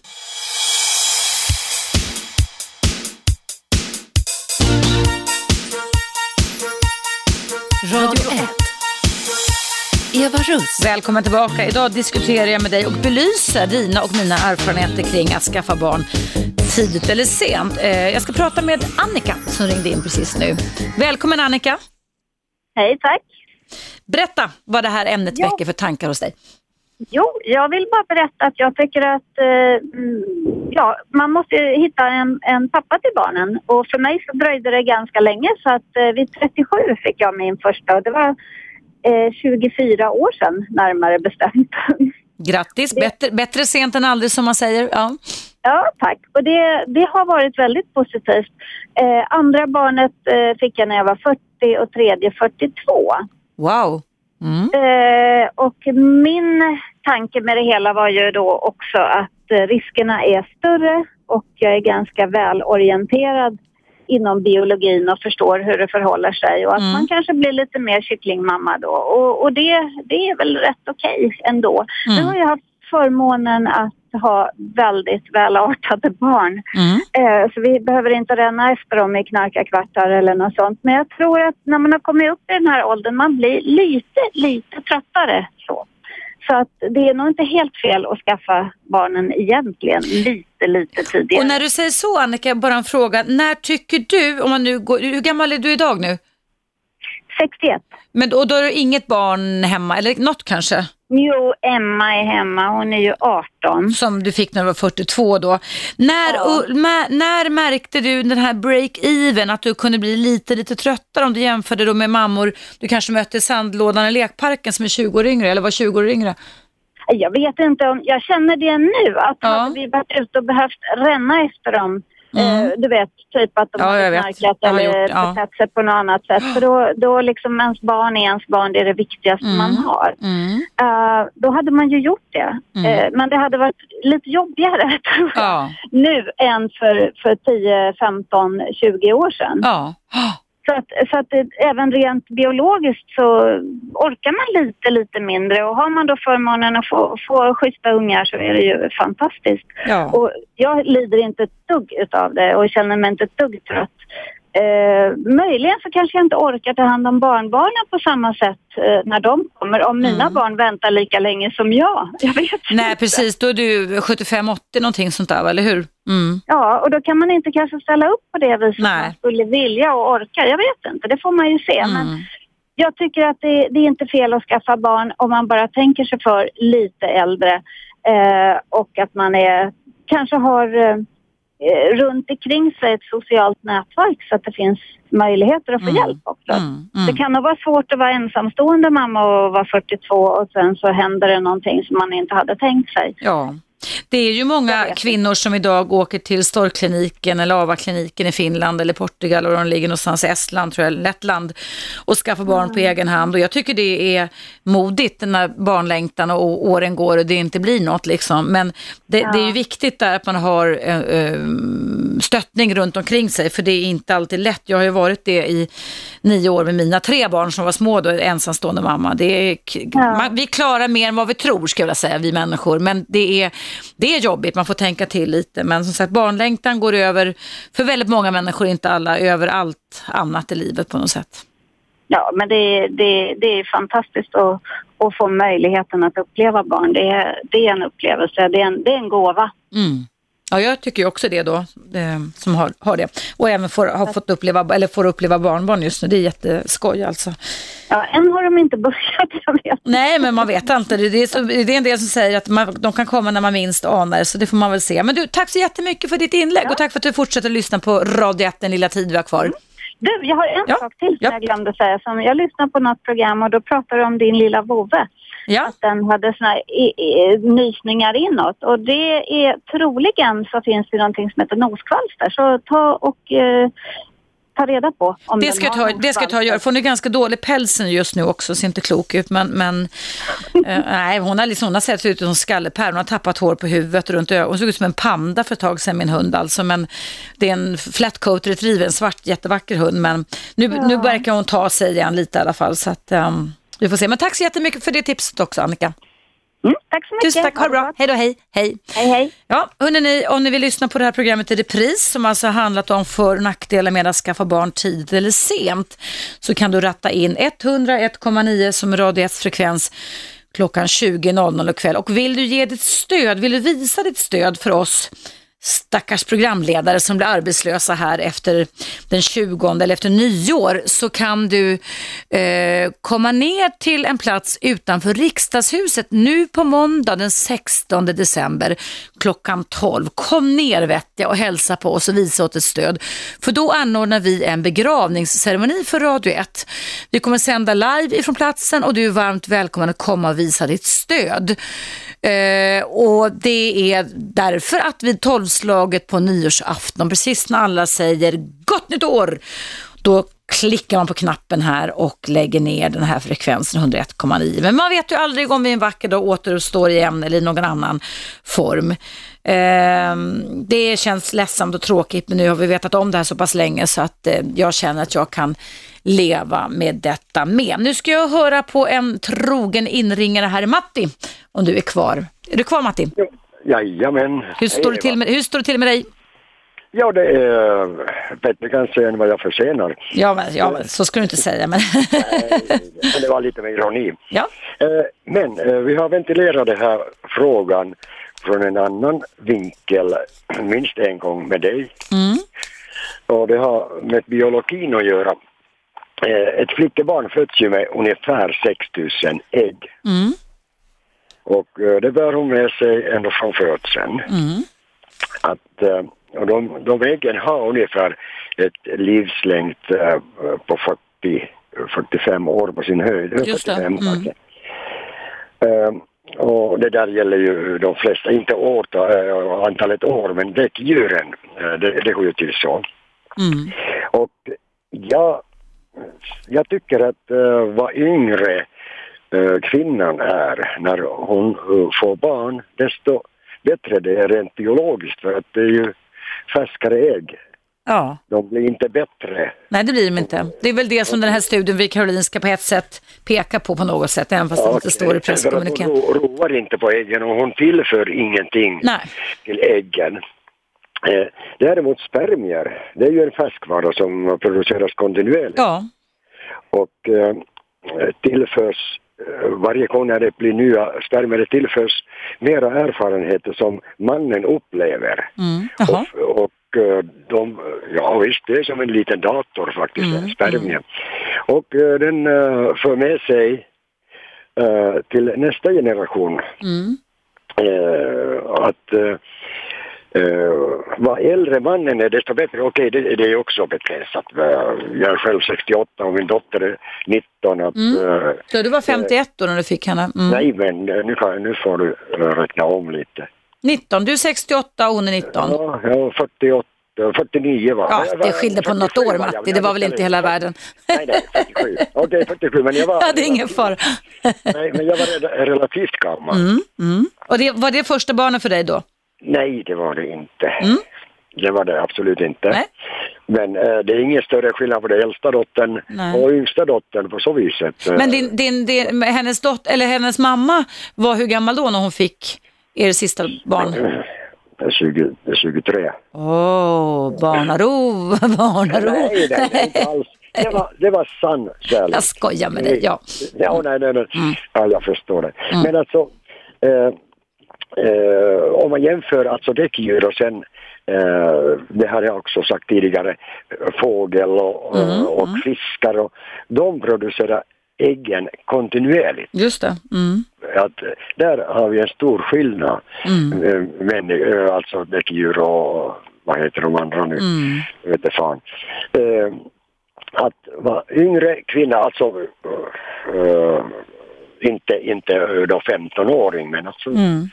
Eh, runt 20 tror jag att det är mest idealiska. Ja, jag, jag, jag tror ju att det är det alltså. Att, att, att 15-16 kan vara för ungt även fast det givetvis går. Men 20-25 runt det spannet tror jag, och nu säger forskningen då helst innan 30, eller inte Ja. det måste vara så, men i alla fall så. Men du, tack så jättemycket Matte, jag ska bara avrunda programmet här nu. Tack för att du ringde in och berättade din historia. Hej så länge, hej. Jag tänkte jag skulle hinna med ett kort mejl ifrån Kjell, det står så här. Jag är lycklig son till en pappa som var 58 och en mamma som var 44. Jag är nu 42 och tycker att jag hade en fantastisk uppväxt med balanserade, mogna föräldrar. Pappa hade haft familj tidigare, men mamma kom sent ut i svängen. Själv fick jag min första flickvän, numera fru, vid 30 års ålder och vi fick vårt första barn vid 34.